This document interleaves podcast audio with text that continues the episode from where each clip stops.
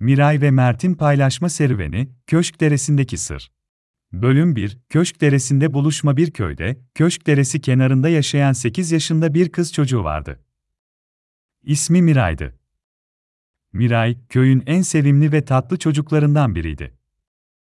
Her gün Köşk Deresi kenarında oynardı ve köyün diğer çocuklarıyla arkadaşlık kurardı. Bu güzel köyde, aynı yaşlarda bir de Mert adında bir çocuk vardı. Mert, zeki ve akıllı bir çocuktu ve Miray ile iyi arkadaşlardı. Bir gün, Miray ve Mert Köşk Deresi kenarında buluşup oyun oynamaya karar verdiler.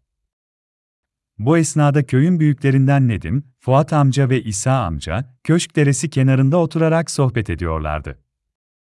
Miray ve Mert, onların yanına geldiler ve selam verip, oyun oynamak için izin istediler. Büyükler gülümseyerek, tabi çocuklar, oynayın oynayın, dedi. Miray ve Mert, neşeyle köşk deresi kenarında koşup, zıplıyor ve suyla oynuyorlardı. Bu sırada, köşk deresi kenarındaki kumların arasında parlayan bir şey fark ettiler. Merakla yaklaşıp baktıklarında, üzerinde eski ve gizemli harfler yazılı olan bir hazine sandığı buldular. Bölüm 2, Hazine Sandığının Sırrı Miray ve Mert, heyecan içinde hazine sandığını açmayı başardılar.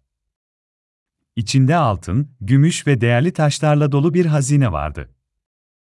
Ki arkadaş, bunun köy için büyük bir nimet olduğunu düşündüler ve hazineyi köydeki herkesle paylaşmak istediler. Nedim, Fuat amca ve İsa amcanın yanına giderek buldukları hazineden bahsettiler. Büyükler şaşkın ve sevinçliydiler, bu köy için çok güzel bir haber. Ama bu hazinenin nasıl kullanılacağına ve paylaşılacağına karar vermemiz gerek, dedi İsa amca.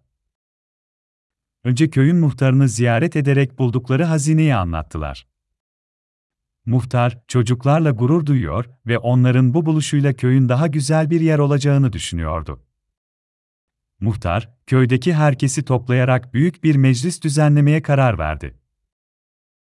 Meclis günü gelip çattığında tüm köy halkı toplandı ve hazine sandığının nasıl kullanılacağı üzerine tartışmaya başladılar. Kimi köyde yeni bir okul yapılmasını önerdi, kimi hastane veya yolların yeniden yapılmasını. Herkes, köyün daha güzel ve yaşanabilir bir yer olması için harika fikirler sunuyordu. Bölüm 3, Paylaşmanın Gücü Miray ve Mert, köy halkının fikirlerini dikkatle dinledikten sonra, birbirlerine baktılar ve gülümsediler. İkisi de aynı şeyi düşünüyordu, paylaşmak. Miray, heyecan içinde köy halkına seslendi, sevgili köylüler, hepimiz aynı şeyi istiyoruz, köyümüzün daha güzel ve yaşanabilir olması. Bu hazinenin bize öğrettiği en önemli şey, paylaşmanın gücüdür.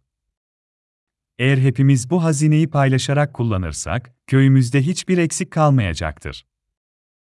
Mert de onaylayarak devam etti, evet, Miray'ın dediği gibi, paylaşmanın gücünü kullanarak bu hazineyi tüm köy halkına ulaştırmalıyız. Böylece, herkesin ihtiyaçlarını karşılayacak ve köyümüz daha güzel ve yaşanabilir bir yer olacaktır. Köy halkı, Miray ve Mert'in söylediklerine katıldı ve hep birlikte hazineyi paylaşarak kullanmaya karar verdiler. Bu sayede köyde yeni bir okul, hastane ve yollar yapıldı, herkesin yaşam kalitesi arttı ve köyde büyük bir dayanışma ruhu doğdu.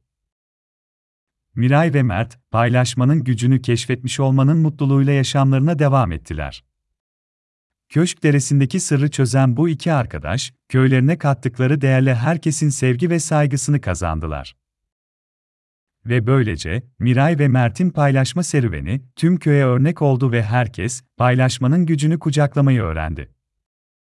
Bu güzel köyde, yaşam daha da güzelleşti ve insanlar, dayanışma ve sevgi dolu bir yaşam sürdüler. İşte bu, paylaşmanın gerçek mutluluğu ve gücüydü.